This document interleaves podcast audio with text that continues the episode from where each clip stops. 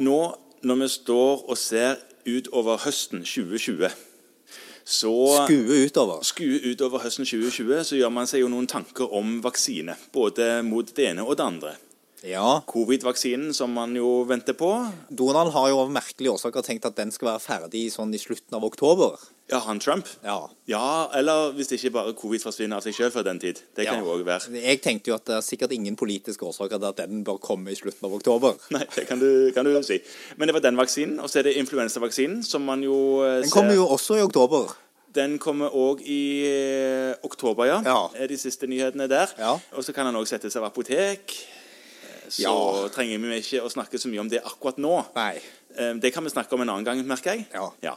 Men så er det òg denne andre vaksinen som man eh, ofte får spørsmål om når det begynner å bli snakk om vaksiner. Og det er pneumokokkvaksinen. Ja.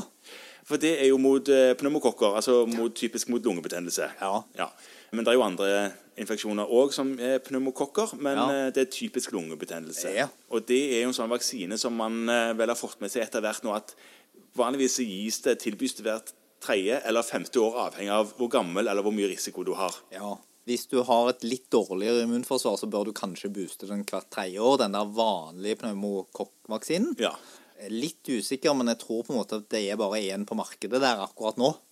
Ja, Ja. det tror jeg òg. Ja. Hvor mange sånne serotyper er det den dekker, egentlig? 23. Oi sann! Ja, Ja. 23. For det jeg husker vi har influensavaksinen, det er jo enten tetralvalent eller en eh, Bi- trivalent. Trivalent eller Noe sånt som tetravalent, det. ja.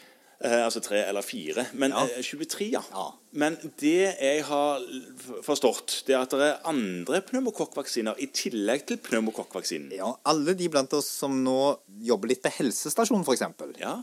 de har jo fått med seg Det er noe som sånn, holdt på å si, vanlige fastleger kan glemme. Det er at man driver på å pneumokokkvaksinere barn. I barnevaksinasjonsprogrammet? Ja. Jaha. Der er det en pneumokokkvaksinering. Og der får de noe som heter Tekniske navnet er E PKV13. Og det er 13, det betyr at det er 13 isoformer, det. Ja. Eh, 13-valent vaksine. Ja, men det er noe annet enn pneumokokkvaksinen, det. Nei, det er jo en pneumokokkvaksine, det òg. Sånn at begge to er pneumokokkvaksiner. Men den ene heter, jeg tror på, siden det er to på markedet, så kan vi bare si hva de heter. Den Ja, ene denne gangen heter får vi gjøre det, da. Prevenar 13, Ja. eh, eller Prevenar, og den andre heter Pneumovax. Ja, og pneumovax er den som du vanligvis setter Ja. på de eldre.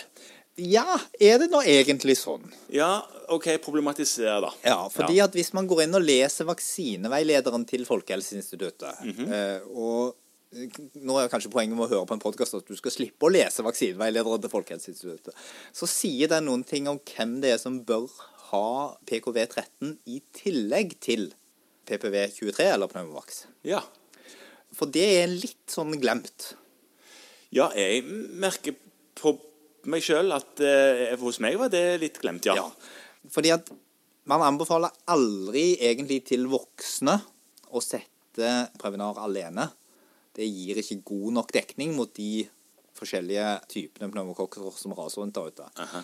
Men det er noen grupper som bør ha dette. Og da er det definert en tabell med, med risikogrupper, og da sier denne vaksineveilederen at det er noen grupper som skal ha pneumokokkvaksinering, eller som er i risiko for såkalt invasiv pneumokokksykdom på Ja. gruppenivå. Ja. Og det er for det første alle de som fikk SMS i fjor, eller tidligere i år, fra Fol- Helsetilsynet og Helsedirektoratet om at de skulle vaksinere seg. Ja. Eh, Det er de over 65.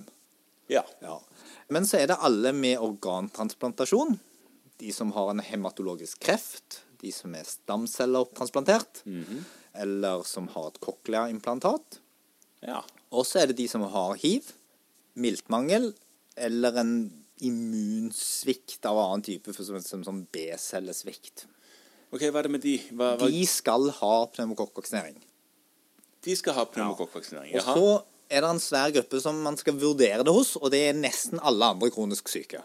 Den tabellen skal vi ikke ramse opp engang, men det er nesten alle andre kronisk syke. Ja. Og da tenker jeg at Som fastlege så skal man da tenke på pasienter som enten lettere kan få det, altså f.eks. de som er rusmisbrukere og lever litt dårlig og kanskje ikke har det så greit. Mm. Og så er- listes det alle kroniske sykdommer der en da tenker at dette kan Mhm. få et mer alvorlig forløp hvis du først får en pneumokokkinfeksjon. Ja. Men dette er, ikke noe, dette er ikke noe nytt, det du sier nå. Jeg visste jo at de skulle pneumokokkvaksineres. Ja, men så s- er det laget en veldig fin sånn flytskjema. Jeg vet at du liker jo sånne flytskjemaer, Jeg- jeg- jeg gjør det. Ja. Eh, Og dette kunne du nesten ha lagd selv. Ok. Ja, så, eh, Og dette flytskjemaet, jeg tror vi skal linke til det Ja, vi kan gjøre det. ja, eh, på Facebook-siden vår. Men det som ellers er med det, er det at den sier noen ting om hvem det er som skal ha både Prevenar og pneumovax, og hvem som bare skal ha pneumovax. For det, Der sier de faktisk noe ganske tydelig i veilederen. og Det de bl.a. sier, er at hvis du har miltmangel, stamcelletransplantasjon eller hiv, aids, Ja. så skal du ha både Prevenar og pneumovax. Og da får du til og med dekka Prevenaren på refusjon. Du får jo blå resept. Ja. Kan de komme og sette dette samtidig? Nei. Nei. Nei, OK. Nei. Jeg skal komme tilbake til det. Ok. Men når du skal lage blå resept på denne, så må du sende en resept til Folkehelseinstituttet. Så det er litt sånn krevende arbeid. Den typen. Så Ja. du får medisin tilsendt fra de? Ja. ja. Hvis de ikke har det, men er i en av risikogruppene, så Ja. er det sånn at den eneste gruppa som kun er anbefalt pneumovax, Og det alene? og det alene, Ja. det er de over 65 uten andre risikofaktorer. Ja, så I prinsipp så betyr jo dette at veldig mange skal ha eh, Prevenar. Ja, for det at alle andre grupper så skal man vurdere å gi begge deler. Jaha. Særlig hvis de har mer enn én eller alvorlige risikofaktorer osv. Og jeg tenker at de over 65, i min praksis, veldig mange av de har en annen risikofaktor i tillegg til å være over 65. Ikke sjelden. Ja. Men betyr dette at dette må du vurdere hvert tredje eller femte år? Nei, Prevenar er en engangsvaksinering. Så har du vaksinert med den, så trenger du ikke å booste den. Ok, så Da, er du, da har du gjort det? Ja. Ok. Og så må du fortsette å booste eh, pneumovaxen Ja. hvert fem, tredje til femte år Ja. ettersom. Ettersom. Og så er det- spurte du om noe som er viktig, og det er at du kan ikke sette disse to samtidig. Ok, nei vel. Hvorfor, altså, Da skjer det noe, da. Ja, det, det er ikke Noe anbefalt. immunologisk Det- greier. Ja, da må vi spørre en immunolog, det skal vi ikke gå inn på. Men det som står er, eh, og det har nok litt med måten vaksinen er bygd opp på Ja. Folkehelsa har lagt ut og beskrevet dette, så hvis du er veldig interessert, så kan du lese om det. Mm. Ja. Men det det står er at du kan få en veldig, veldig sterk immunreaksjon hvis du setter Prevenar etter pneumovax. Ok. Så den må inn først. Men hvis du er så uheldig å sette eh, Pneumovax først, da? Ja, Da kan du sette Prevenar, men da bør du gå minimum et år. Ok, ok, Men hvis du setter Prevenar først, hvor lang tid må du vente, da? Åtte uker. Å ja, ok. Så, så et par måneder, altså? Ja, så Det som kan være lurt, hvis du på en måte finner en pasient, definerer at denne pasienten tenker jeg at bør absolutt oppvaksineres med begge deler, Har ikke fått det ene før? har ikke fått Prevenar- noen ting før, Nei, nei. eh, så gir vi Prevenar, og så setter vi opp en ny time om åtte uker, der de da kommer inn og får pneumovaksen sin. Ja. Det er jo såpass kort tid at det klarer vi å på en måte få organisert som oftest i praksisen. Men de, de som ikke får Prevenar på refusjon, de skriver du en vanlig hvit resept på, og så går de og henter det på apoteket. Ja, Hvis du ikke sjøl har bestilt disse fra eh, Folkehelseinstituttet, Ja, og har Eh, lager. Har, kan man- altså, det er ganske god holdbarhet på de, så de kan du godt ha et lite lager på hvis du tenker at dette er aktuelt. Mhm. Fordi det blir- gir jo litt jevnere drift på kontoret ditt å bare ha den der. Ja, det blir en del pingpong hvis en skal f- ha det innom, skrive resept, få det tilbake. Ja, det blir litt fram og tilbake. Og i denne tiden hvor man kanskje tenker at man skal ha færrest mulig inne på kontoret, Ja. og stå, sitte i kø på laben, så er det kanskje litt ugreit. I- Det går an å organisere det bedre. Sånn at jeg tenker at man får gjøre en liten opptelling på, på kontoret sitt og tenke at skal vi ha 10-15 av disse liggende, Mm. eh, så sender du en fellesbestilling til Folkehelseinstituttet, og så får du de levert. Ja.